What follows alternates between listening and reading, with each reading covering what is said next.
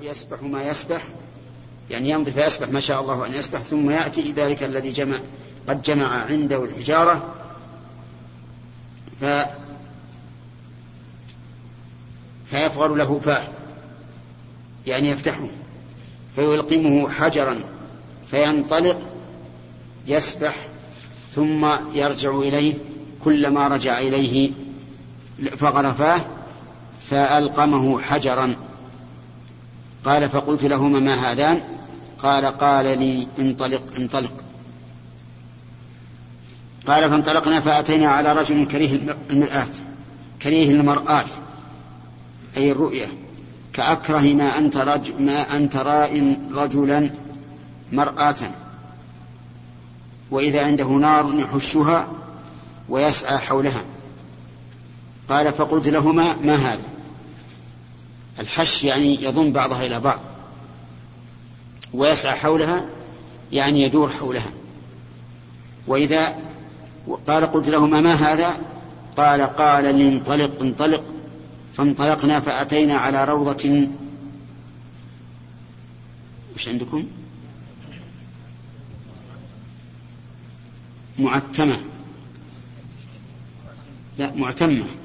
فأتينا على روضة معتمة. فيها من كل من كل نور الربيع معتمة الظاهر والله أعلم ما مجتمع بعضها إلى بعض. وقوله من كل نور الربيع أي زهر الربيع وإذا بين ظهري الروضة رجل طويل لا أكاد أرى رأسه طولا في السماء. وإذا حول الرجل من أكثر ولدان رأيتهم قط قال فقلت لهما ما هذا؟ ما هؤلاء؟ ما هذا يعني الرجل؟ ما هؤلاء الولدان؟ قال فقال لي انطلق انطلق. قال فانطلقنا فأتينا إلى روضة عظيمة لم أرى روضة قط أعظم منها ولا أحسن. قال قال لي ارق فيها. فارتقينا فيها فانتهينا إلى مدينة مبنية بلبن ذهب ولبن فضة. فأتينا باب المدينة فافتحنا ففتح لنا فدخلناها. فتلقانا فيها رجال شطر من خلقهم كأحسن ما أن ترى وشطر كأقبح ما أن ترى. قال. قال قال فقال لهم يعني قال الرجلان لهم أي لهؤلاء الذين شطر, شطر من خلقهم كأقبح ما أن ترى اذهبوا فقعوا في ذلك النهر قال وإذا نهر معترض يجري كأن ماءه المحث في البياض يعني اللبن الخالص الذي لم يشب بماء فذهبوا فوقعوا فيه ثم رجعوا إلينا قد ذهب عنهم قد ذهب ذلك السوء عنهم فصاروا في أحسن صورة. قال قال لي هذه جنة عدن. وهذا منزلك. نعم. كيف؟ نعم. قال قال لي هذه جنة عدن. وهذاك منزلك قال فسما بصري صعدا يعني ارتفع. فإذا قصر مثل الربابة البيضاء قال قال لي هذا منزلك. قال قلت لهما بارك الله فيكما. دراني فأدخله. قال أما الآن فلا وأنت داخله. لأنه الآن في الدنيا وهذا القصر في الآخرة. قال فقلت لهما فإني قد رأيت منذ الليلة عجب منذ الليلة عجبا. فما هذا الذي رأيت؟ قال لي أم أما إنا سنخبرك. أما الرجل الأول الذي أتيت عليه يثلغ رأسه بالحجر فإنه الرجل انتبهوا للتعبير فإنه الرجل يأخذ القرآن فيرفضه وينام عن الصلاة المكتوبة. هذا الرجل الأول الذي يثلغ رأسه والعياذ بالله بالحجر ويتزهده الحجر ها هنا وها هنا فإذا اتبعه وأخذه وعاد إليه وجده قد صح. يعني قد زال الثلق فيضربه مرة ثانية وهكذا. هذا الرجل يقول هو الذي يأخذ القرآن ولكنه لا يعمل به يرفضه وينام عن الصلاة المكتوبة فلا يهتم بها. وأما الرجل الذي أتيت عليه يشرشر شدقه إلى قفاه ومنخره إلى قفاه وعينه إلى قفاه فإنه الرجل يغدو من بيته فيكتب الكذبة تبلغ الآفاق. ولذلك عوقب بهذا العقاب والعياذ بالله. يكذب الكذبة فيتحدث الناس بها.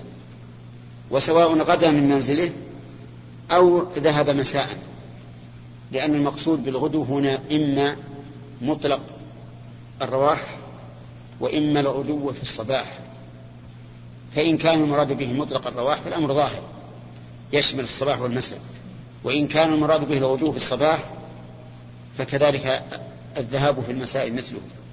فيكذب الكذبة تبلغ الآفاق يتحدث الناس بها.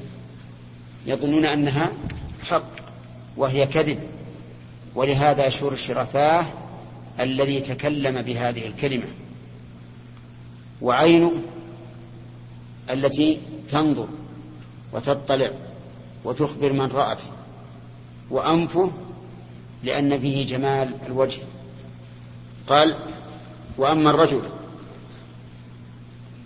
وأما الرجال والنساء العراة الذين في مثل بناء التنور فإنهم الزناة والزواني نعوذ بالله. يعذبون جميعا في هذا في هذا الذي مثل التنور وتخرج النار من تحتهم فيكون لهم ضوضاء وأصوات. بدل ما نالوا من اللذة المحرمة والعياذ بالله ينالون هذا العقاب. فانظر كيف كانت هذه اللذة التي تمضي وكأنها لم خيال خيال. أو حلم نائم تعقب هذا العذاب نعوذ بالله. وفي هذا التحذير الشديد من الزنا. وأما الرجل الذي أتيت عليه يسبح في النهر ويلقم الحجر فإنه آكل الربا. منغمس والعياذ بالله في هذا النهر. والنهر كما سمع كما سمعتم أول حديث مثل الدم أحمر. ولكن مع ذلك مع خبث منظره منظره فإن هذا منغمس فيه. لأنه والعياذ بالله كما وصف الله عز وجل يأكل الذين يأكلون ربا لا يقومون إلا كما يقوم الذي يتخبطه الشيطان من المس. ومع ذلك لا يشبعون من من من الربا. يسبح ما شاء الله أن يسبح ثم يعود ليلقى ما بهذا الحجر. وأما الرجل الكريه المرآة الذي عند النار يحشها ويسعى حولها فإنه مالك خازن النار. مالك خازن النار. وقد ذكر الله تعالى اسمه في القرآن فقال ونادوا يا مالك ليقضي علينا ربك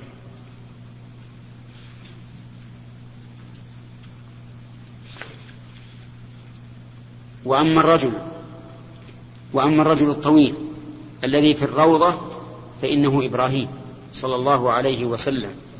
وأما الولدان الذي حوله فكل مولود مات على الفطرة. يكون حول إبراهيم عليه الصلاة والسلام. والسلام وهذا من تسخير الله لهم. أن جعل من يتولاهم هو أبوهم إبراهيم. قال بعض المسلمين يا رسول الله وأولاد المشركين فقال رسول الله صلى الله عليه وسلم وأولاد المشركين.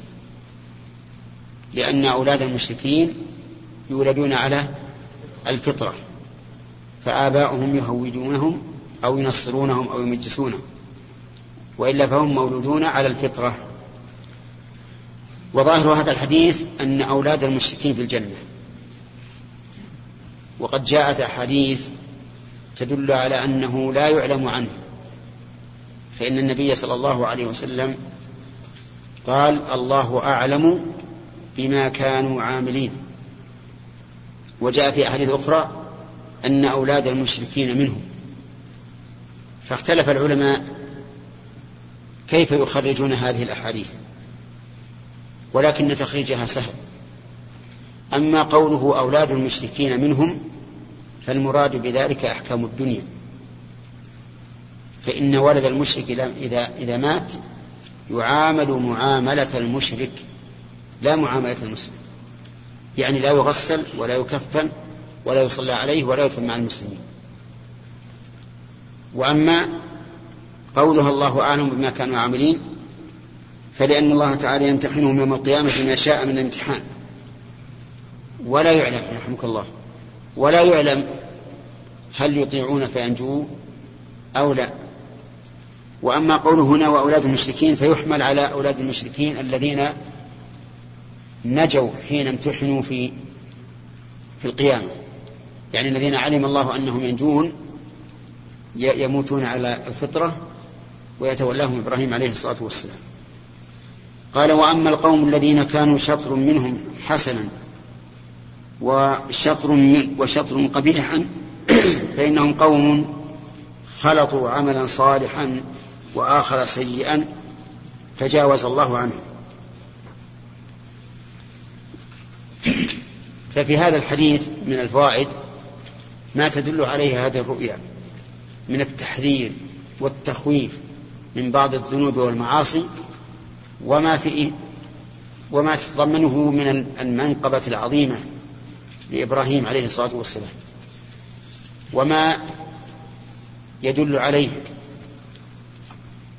أن الخلق أو ما يدل على أن الخلق ينقص. فإن فإن الله خلق آدم طوله في السماء ستون ذراعا. وما زال الخلق ينقص شيئا فشيئا حتى انتهى إلى هذه الأمة. ولهذا كان إبراهيم عليه الصلاة والسلام طويلا رأسه في السماء لأنه كان قبل أن ينقص الخلق إلى ما كان عليه الآن. نعم.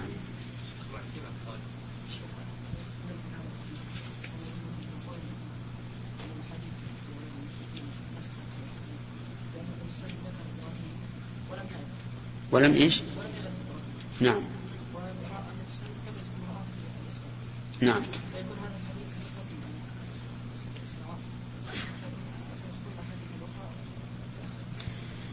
هذا ربما كان لكن ما هو صريح أنه متأخر. لأن الإنسان قد يرى الشخص فينساه أو يكون رآه في ليلة المعراج على غير هذه الهيئة. فهو ليس صريحا في أنه متقدم على ليلة الإسراء. لكن الجمع الذي ذكرنا أولى. والقاعدة في عندنا أو عند العلماء أنه إذا أمكن الجمع فلا عدول إلى النسخ لأن النص معناه إبطال النص الثاني. وإبطال النص ليس بهين. فما دام ما دام يمكن الجمع فهو, فهو الواجب. نعم. ها؟ نعم. عندنا معتمة. وش هو؟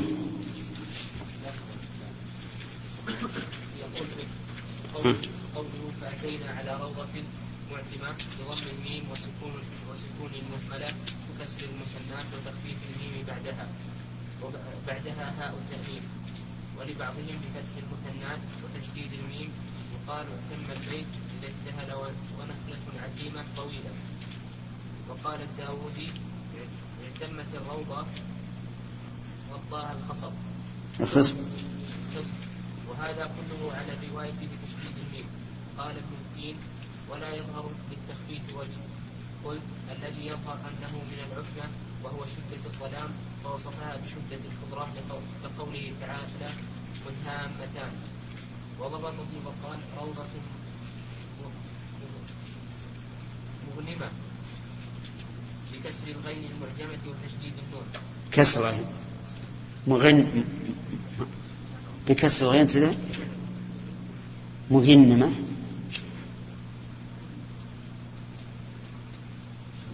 بكسر الغين المعجمة إيه؟ مغنة مغنة يعني بدون الميم.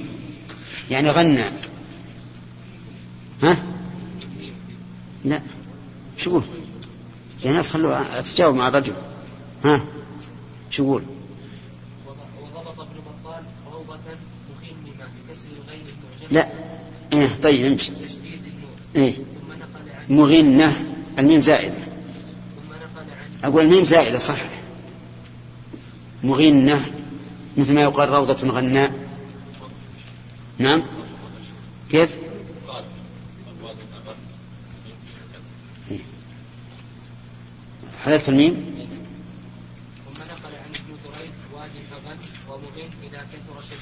طيب. إذا مغنة.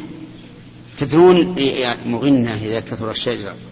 وروضة غنى يقولون إنه إذا كثرت الأشجار كثرت الحشرات. وصار لها صوت. نعم.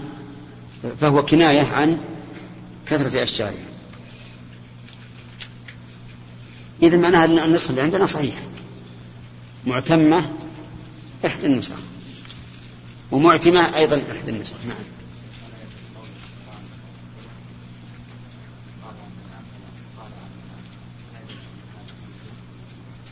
كان إيش؟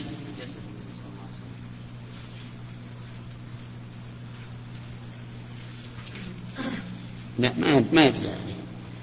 لأن النائم إذا رأى رؤيا يرى وكأنه يمشي بجسده الحقيقي نعم ولا هو جسده عليه الصلاة والسلام لا شك أنه في, في منامه في فراشه ما ما تجاوزه يعني ما صعد إلى هذا الصعود ولا ولا ولا ذهب إلى النهر ولا لكن بالرؤيا نعم. إيش؟ ها؟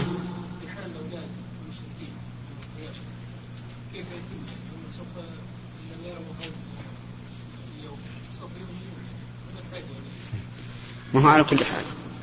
الآيات الآيات الموجودة الآن مثل آيات يوم القيامة. و... لكن من من, من يضل الله فلا هادي له. وإن كانوا كفار الذين في الدنيا كانوا كافرين يؤمنون في ذلك الوقت. ويقول قد جاءت رسل ربنا بالحق فهل لنا من شفعاء فيشفعوا لنا أو نرد فنعمل غير كنا. ولكنهم يلهمون الإيمان في ذلك اليوم لزيادة التحصن. لأنه سوف يقال لهم الآن ليس ليس وقت توبة. أما الذين قضى الله أن يمتحنهم فإنه لا بد أن يكون عندهم إرادة للإيمان أو للكفر. خلاص أخذنا ثلاث من؟ لا لا مو على كل حال. يوم يكشف عن ساق ويدعون إلى السجود فلا يستطيعون. خاشعة أبصارهم ترهقهم ذلة وقد كانوا يدعون إلى السجود وهم سالمون. فمن علم الله منهم أنه ليس أهل الإيمان لا يؤمن. نعم. كتاب الفتن باب ما جاء في قول الله تعالى واتقوا فتنة لا تصيبن الذين ظلموا منكم خاصة. وما كان النبي صلى الله عليه وسلم يحذر من الفتن. حدثنا علي بن عبد الله. الفتن نعوذ بالله من فتنة المحيا والممات ومن فتنة المسيح الدجال. الفتن جمع فتنة وهي ما يفتن المرء. عن دينه وهي أنواع كثيرة منها الشبهات التي تعرض للإنسان حتى يلتبس عليه الحق بالباطل فتجده ذا علم ولكن يفتن والعياذ بالله فيلتبس عليه الحق بالباطل. ومنها الشهوات يفتن الإنسان مع علمه بشهوة نفسه. والمراد بالشهوة هنا ما هي شهوة النكاح؟ الشهوة الهوى. فيكون للإنسان هوى. يعلم ولكن يخالف. وهذه الشبهات تكون في العقائد. الشبهات تكون في العقائد. وتكون في الأعمال. فالذين ضلوا في عقائدهم وعطلوا ما وصف الله به نفسه أو ضلوا في عقائدهم واستغاثوا بغير الله وتعلقوا بغير الله فتنتهم هذه فتنة شبهة إذا كان عندهم علم أو شهوة أو فتنة الشهوة إن كان عندهم علم ولكن خالفوا والعياذ بالله. وقد تكون الفتنة بالعمل فيفتن الإنسان بالعمل كما حصل في صدر هذه الأمة من قتال المسلمين بعضهم لبعض فإن منهم من قاتل لاشتباه الحق بالباطل عنده ومنهم من قاتل لرئاسة وجاه وسلطة فالأول قاتل ليش لشبهة والثاني قاتل لشهوة. وجميع الفتن كل الفتن تعود إلى هذين الأمرين. إما فتنة شبهة وإما فتنة شهوة. يقول الله عز وجل اتقوا فتنة لا تصيبن الذين ظلموا منكم خاصة. يعني احذروا هذه الفتنة. لا تصيب الذين ظلموا بل تصيب الظالم والعدل. ولهذا قال منكم الذين ظلموا منكم خاصة واعلموا أن الله شديد العقاب. وفي هذه الآية دليل واضح على وجوب الأمر بالمعروف والنهي عن المنكر وأن الإنسان لا يسلم من شر غيره إذا كان لم يقم بالواجب عليه. فالواجب أن نتقي هذه الفتنة وأن نأمر بالمعروف وننهى عن المنكر. قال وما كان النبي صلى الله عليه وسلم يحذر من الفتن. فإنه عليه الصلاة والسلام حذر أمته من الفتن ولا سيما فتنة الدجال. حذر عنها تحذيرا عظيما. ووصف الدجال بالوصف الذي ينطبق عليه تماما. نعم.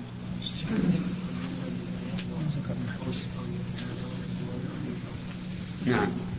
هذا من وزره. إذا لم يأمر بالمعروف وينهى عن المنكر فهذا من وزره. لأنه مأمور أن يأمر بالمعروف وينهى عن المنكر فإذا لم يفعل كان وزرا لو أمر بالمعروف ونهى عن المنكر سلم ولكن إذا عم العذاب فإنه يسلم في الآخرة ويكون ما حصل من العذاب تكفيرا للسيئات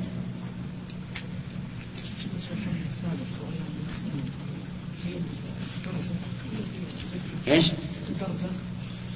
لا كيف البرزخ؟ في الدنيا يقص على أصحابه بعد صلاة الفجر. نعم. الله أعلم هل بالبرزخ أو أنها أمثال ضربت له أو ناس حقيقة يعذبون بهذا بهذا العمل. والأصل الحقيقة. الأصل أنهم أكلت ربا وأنهم زنات وأنهم عرضوا عليه كما عرض عليه النار في المعراج ورأى فيها المرأة التي تعذب في هرة حبستها نعم.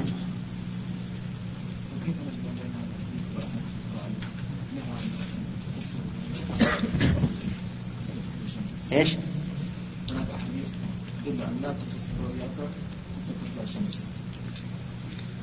هذا أن صح الحديث الذي ذكرت فالجمع بينهما أنه إذا طلب منك من يعرف أن يعبر الرؤيا فلا فلا بأس. نعم. هنا. نعم. وش قال فيه؟ أقول إن صح هذا الحديث فنحمل على هذا وإن لم يصح فقط كفينا ثلاثة.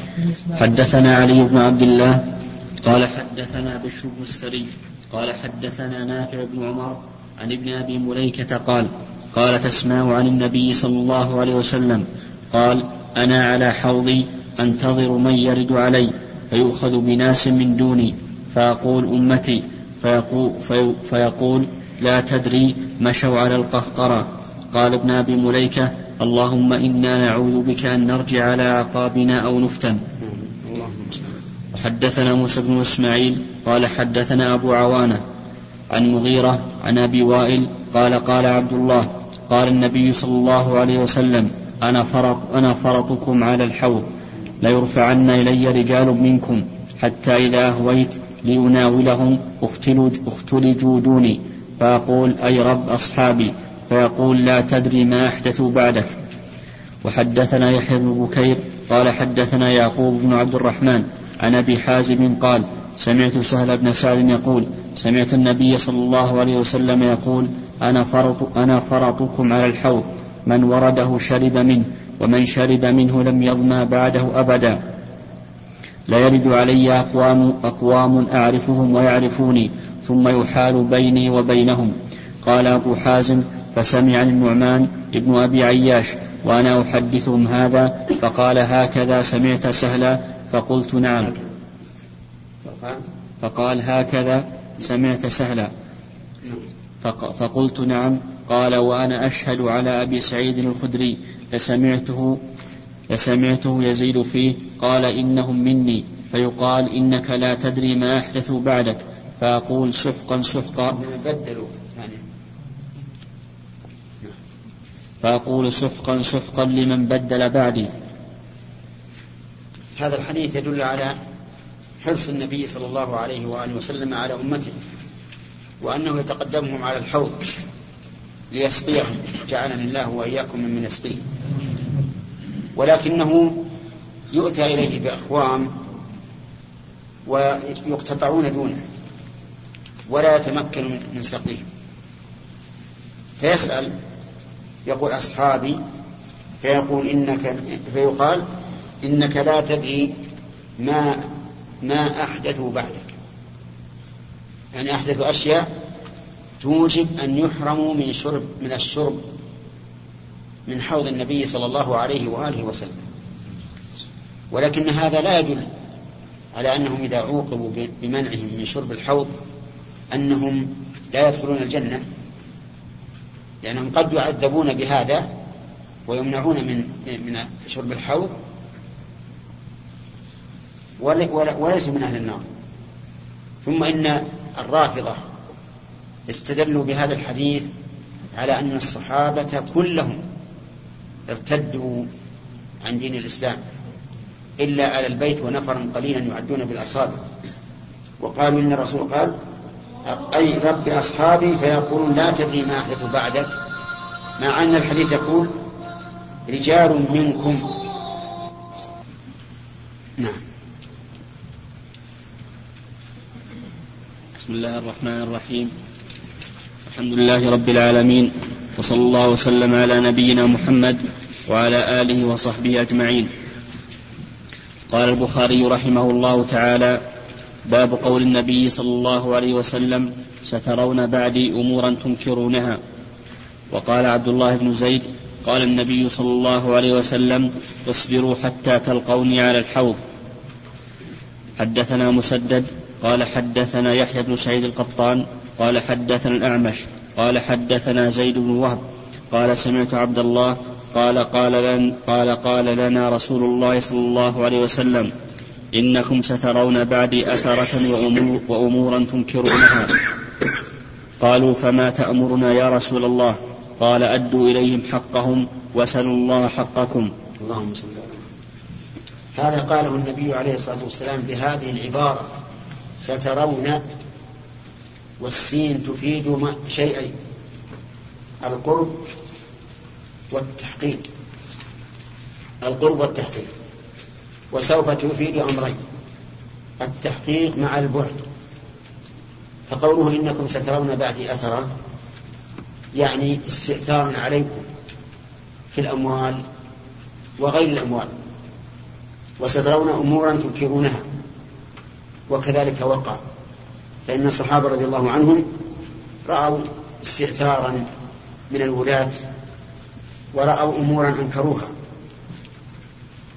فلما حدثهم بهذا الحديث علموا أن الأمر سيكون شديدا عليهم. فسألوا النبي صلى الله عليه وآله وسلم ماذا يصنعون؟ قال أدوا إليهم حقهم وسلوا الله حقهم. يعني أنهم إذا استأثروا عليكم ولنفرض أنهم أمروا بأمر وهم يفعلون نهوا عن شيء وهم يفعلونه أو أمروا بأمر وهم لا يفعلونه هذا استئثار. فهل تقول إذا أمروك بأمر أنا لا أسمع ولا أطيع لأنهم لا يفعلونه أو تقول إذا نهوك عن شيء أنا سأفعله لأنهم يفعلونه؟ الجواب لا هذا لا يجوز. بل أد إليهم حقهم وهو السمع والطاعة في غير معصية الله. واسألوا الله حقكم. اسألوا الله سبحانه وتعالى أن يهديهم حتى لا يستأثروا عليكم. فلو أن الناس سلكوا هذا المسلك ما حصلت الفتن التي حصلت في آخر عصر الصحابة رضي الله عنهم وإلى يومنا هذا؟ ما حصل كراهة الولاة؟ ما حصل عداوتهم؟ ما حصل تسلطهم على الناس؟ ما حصل خروج الناس عليهم؟ لذلك أحدث الناس فأحدث الله لهم. فهذا الميزان الذي ذكره النبي صلى الله عليه وآله وسلم هو الحق. ولا أحد من منا يشك أن رسول الله صلى الله عليه وسلم أنصح الخلق للخلق وأعلم الخلق بما ينفعهم. أليس كذلك؟ لم يقل إذا رأيتم أثره فطالبوهم ونابذوهم وقولوا لن نسمع حتى تفعلوا ما تأمرون به. ولن نسمع حتى تسلكوا ما تنهون عنه ما تنهون عنه. لا. قال أدوا إليهم حقهم وهو السمع والطاعة واسألوا الله حقكم. لأن من نزع يدا من طاعة مات ميتة جاهلية والعياذ بالله. نعم. حدثنا مسدد عن عبد الوارث عن الجعد عن أبي رجاء عن ابن عباس رضي الله تعالى عنهما عن النبي صلى الله عليه وسلم قال من كره من أميره شيء فيه تسلسل. لماذا؟ بالعنعنة. نعم. قال من كره من أميره شيئا فليصبر فإنه من خرج من السلطان شبرا مات ميتة جاهلية. الله قول من كره من أميره شيئا. هل المراد شيئا من أمور الدين أو شيئا من أمور الدنيا أو هو عام؟ هو عام. هو عام سواء من أمور الدين أو من أمور الدنيا. فلو رأيت من أميرك أنه يشرب الخمر مثلا وأنه يتعامل بالربا وما أشبه ذلك فاصبر. اصبر على على ذلك ولكن نصح انصح بقدر ما تستطيع. فإن اهتدى فلنفسه وإن لم يهتدي فعلى نفسه. إذا رأي إذا رأيت ما تكره منه من تسلط عليك في مالك أو أهلك أو وظيفتك أو ما أشبه ذلك فاصبر. فإن من خرج من السلطان أي من طاعته وحقه فمات شبرا فمات ميتة فما مات ميتة جاهلية. ومن خرج نصف الشبر نعم؟ فكذلك. لأن القيد بالشبر للمبالغة. وقد ذكر العلماء أن ما كان للمبالغة فلا مفهوم له. لا سواء كانت المبالغة في الكثرة أم في القلة. نعم. حدثنا أبو النعمان قال حدثنا حماد بن زيد عن الجعد أبي عثمان قال حدثني أبو قال حدثني أبو رجاء العطاردي. قال سمعت ابن عباس رضي الله تعالى عنهما عن النبي صلى الله عليه وسلم قال من رأى من أميره شيئا يكرهه فليصبر عليه فإنه من فارق الجماعة شبرا فمات إلا مات ميتة جاهلية. الله هذا كالأول لكن هنا قال من فارق الجماعة. فدل هذا على أن الجماعة هي الاجتماع على السلطان وعدم التفرق عليه. ولا شك أن الاجتماع على السلطان على ولي الأمر وعدم التفرق عليه يجعل الأمة أمة واحدة.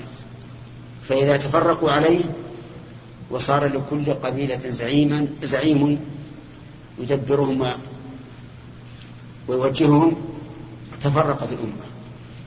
وبهذا نعرف خطأ ما يكون من بعض الإخوة يبايعون واحدا منهم على السمع والطاعة فيجعلونه كالأمير المطاع.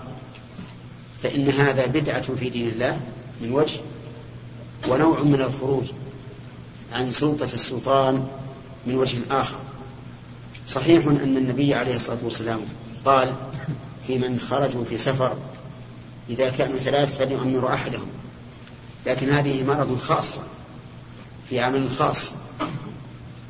لأنهم إذا لم يؤمروا أحدهم في, في سفرهم يدبرهم عند الرحيل وعند النزول وعند المكث طويلا أو قصيرا صاروا صاروا فوضى أما أن يبايع شخص على أنه أمير في حاضرا كان أم غائبا وأنه يطاع كما يطاع السلطان فهذا لا يجوز.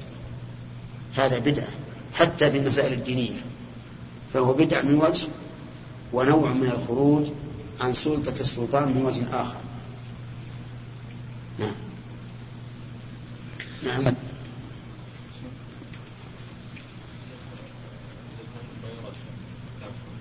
إيش؟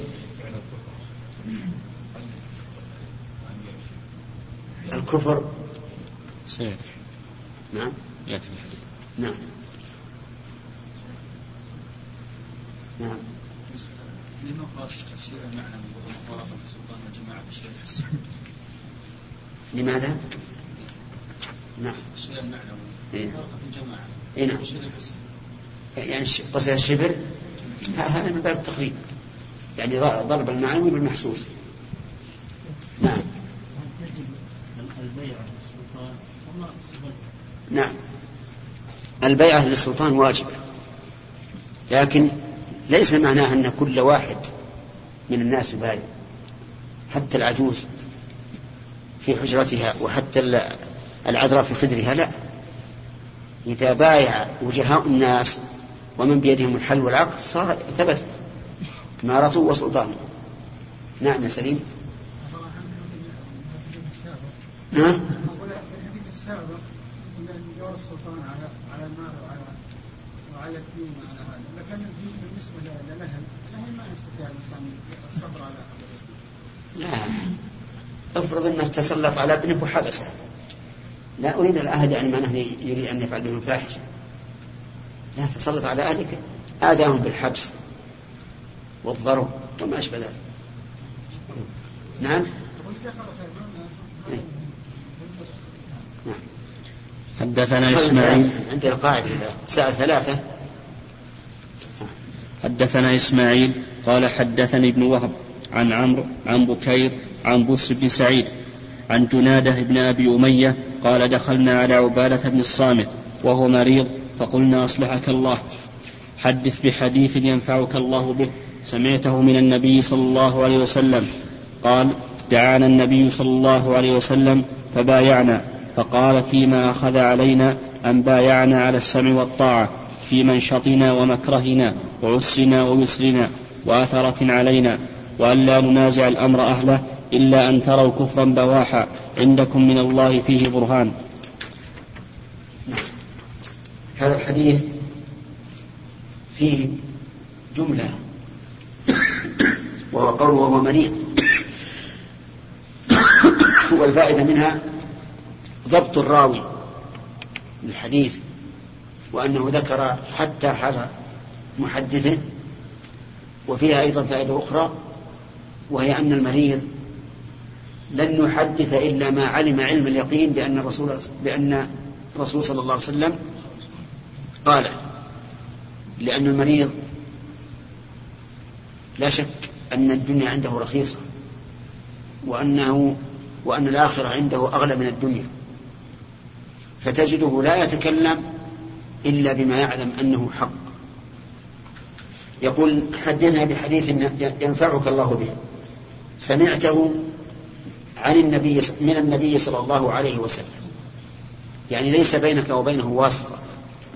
فقال دعانا النبي صلى الله عليه وسلم فبايعناه فقال فيما أخذ علينا. بايعناه المبايعة هي العهد. وسميت مبايعة. لأن كل من المتعاهدين يمد باعه إلى الآخر ليمسك بيده. ليمسك بيده. فيقول هكذا ويضم يده ويقول بايعتك على كذا وكذا. فكان فيما أخذ علينا أن بايعنا على السمع والطاعة. لا على السمع والمعصية. قال الله تعالى وقالوا سمعنا وعصينا. وقال في أهل الكتاب وقالوا نعم سمعنا قال الله تعالى سمعنا وأطعنا وقال في أهل في أهل الكتاب سمعنا وعصينا فهنا يقول السمع والطاعة السمع لنفهم ما يقال وما يؤمر وما نؤمر به والطاعة لننفذ في منشطنا ومكرهنا يعني في منشطنا في القبول ومكرهنا في عدم القبول بمعنى أنه أننا نسمع ونطيع في أمر نتلقاه بنشاط وفي أمر نتلقاه بكراهة. هذا وجه الوجه الثاني في منشطنا أي منشط الجسم. لأن الإنسان إذا نفذ وهو نشيط الجسم سهل عليه. ومكرهنا مع مشقة في الجسم. لأن الإنسان إذا نفذ في حال التعب والمشقة صار عليه شيء من الكراهة. وعسرنا ويسرنا. عسرنا قلة المال ويسرنا كثرته. ودليل ذلك قوله تعالى لا لا يكلف الله نفسا إلا ما آتاها سيجعل الله بعد عسر يسرا. وأثرة علينا. هذا هو المهم. أثرة علينا يعني أن نسمع ونطيع مع الأثرة علينا يعني الاستئثار علينا. ولنفرض مثلا أننا أننا أمرنا, أمرنا بشيء. واستأثر علينا ولاة الأمر. بأن كانوا لا يفعلون ما يأمرون به ولا يتركون ما نهون عنه. أو استأثروا علينا بالأموال. فعلوا فيها ما شاءوا. ولم نتمكن من أن نفعل مثل ما فعلوا. هذا من الأثرة وأشياء كثيرة من الأثرة والاستئثار. فنحن علينا أن نسمع ونطيع حتى في هذه الحال وأن لا ننازع الأمر أهله. لا ننازع, لا ننازع الأمر أهله. أي لا نحاول أن نجعل لنا سلطة ننازعهم فيها. ونجعل لنا من سلطة من سلطتهم نصيبا. لأن السلطة لهم. فلا فلا ننازعهم. قال إلا أن تروا كفرا بواحا عندكم فيه أن تروا كفرا بواحا عندكم من الله فيه برهان. ففي هذا الحال ننازعهم. لكن انظر الشروط أن تروا أنتم بأنفسكم. لا مجرد السماع. لأننا ربما نسمع عن ولاة الأمور أشياء فإذا تحققنا لم نجدها صحيحة. فلا بد أن نرى. نحن بأنفسنا مباشرة سواء كانت هذه الرؤية رؤية, رؤية علم أو رؤية بصر. المهم أن نعلم. الثاني كفرا أي لا فسوقا. فإننا لو رأينا فيهم أكبر الفسوق فليس لنا أن ننازعهم الأمر. بل أن نرى إيش؟ كفرا. الثالث بواحا أي صريحا. ليس فيه تأويل. فإن كان فيه تأويل ونحن نراه كفرا لكنهم لا يرونه كفرا سواء كانوا لا يرونه باجتهاد منهم أو بتقليد من يرونه مجتهدا. فإننا لا ننازعه ولو كان كفرا. ولهذا كان الإمام أحمد يقول إن من قال القرآن مخلوق فهو كافر. والمأمون كان يدعو كان يقول القرآن مخلوق ويدعو الناس إليه ويحبس عليه ومع ذلك كان يدعوه بأمير المؤمنين. يدعوه بأمير المؤمنين. لأنه يرى أنه أن القول بخلق القرآن بالنسبة له ليس بواحد ليس صريحا. فلا بد أن يكون هذا الكفر صريحا لا يحتمل التأويل. فإن كان يحتمل التأويل فإنه لا يحل لنا أن ننازع الأمر أهله. الرابع ها عندنا فيه من الله برهان أي دليل قاطع بأنه كفر. لا مجرد أن نرى أنه كفر ولا مجرد أن يكون الدليل محتملا لكونه كفرا أو غير كفر بل لا بد أن نعلم أن يكون الدليل صريحا قاطعا بأنه كفر. فانظر إلى هذه الشروط الأربعة. نعم. إذا تمت الشروط الأربعة حينئذ ننازع لأنه ليس له عذر ولكن هذه المنازعة يا عبد الرحمن لها شروط. ما هي أن يكون لدينا قدرة وهذه مهمة جدا. يعني لا أن ننازع فنخرج إليه بالسكاكين ومحاجين الحمير. نعم وهو عنده الدبابات والقذائف وما أشبه ذلك. لو أننا فعلنا هذا لكنا سفهاء. ننازعه بعد أن نكون قادرين على منازعته. نعم. أعرفتم ولا لا؟ لكن ننازع ونحن لا نستطيع. هذا أولا حرام علينا لأنه يضر بنا ويضر بغيرنا أيضا. ولأنه يؤدي في النهاية إلى محو ما نريد أن يكون السلطان عليه. لأن السلطان كما تعرفون ذو سلطة. يريد أن تكون كلمته إيش؟ هي العليا. فإذا رأى من نازعه أخذته العزة بالإثم واستمر فيما هو عليه وزاد عليه. فنحن فيكون نزاعنا له زاد الطين بلة فلا, فلا يجوز أن, أن ننازعه إلا ومعنا قدرة وقوة على إزاحته وإلا فلا.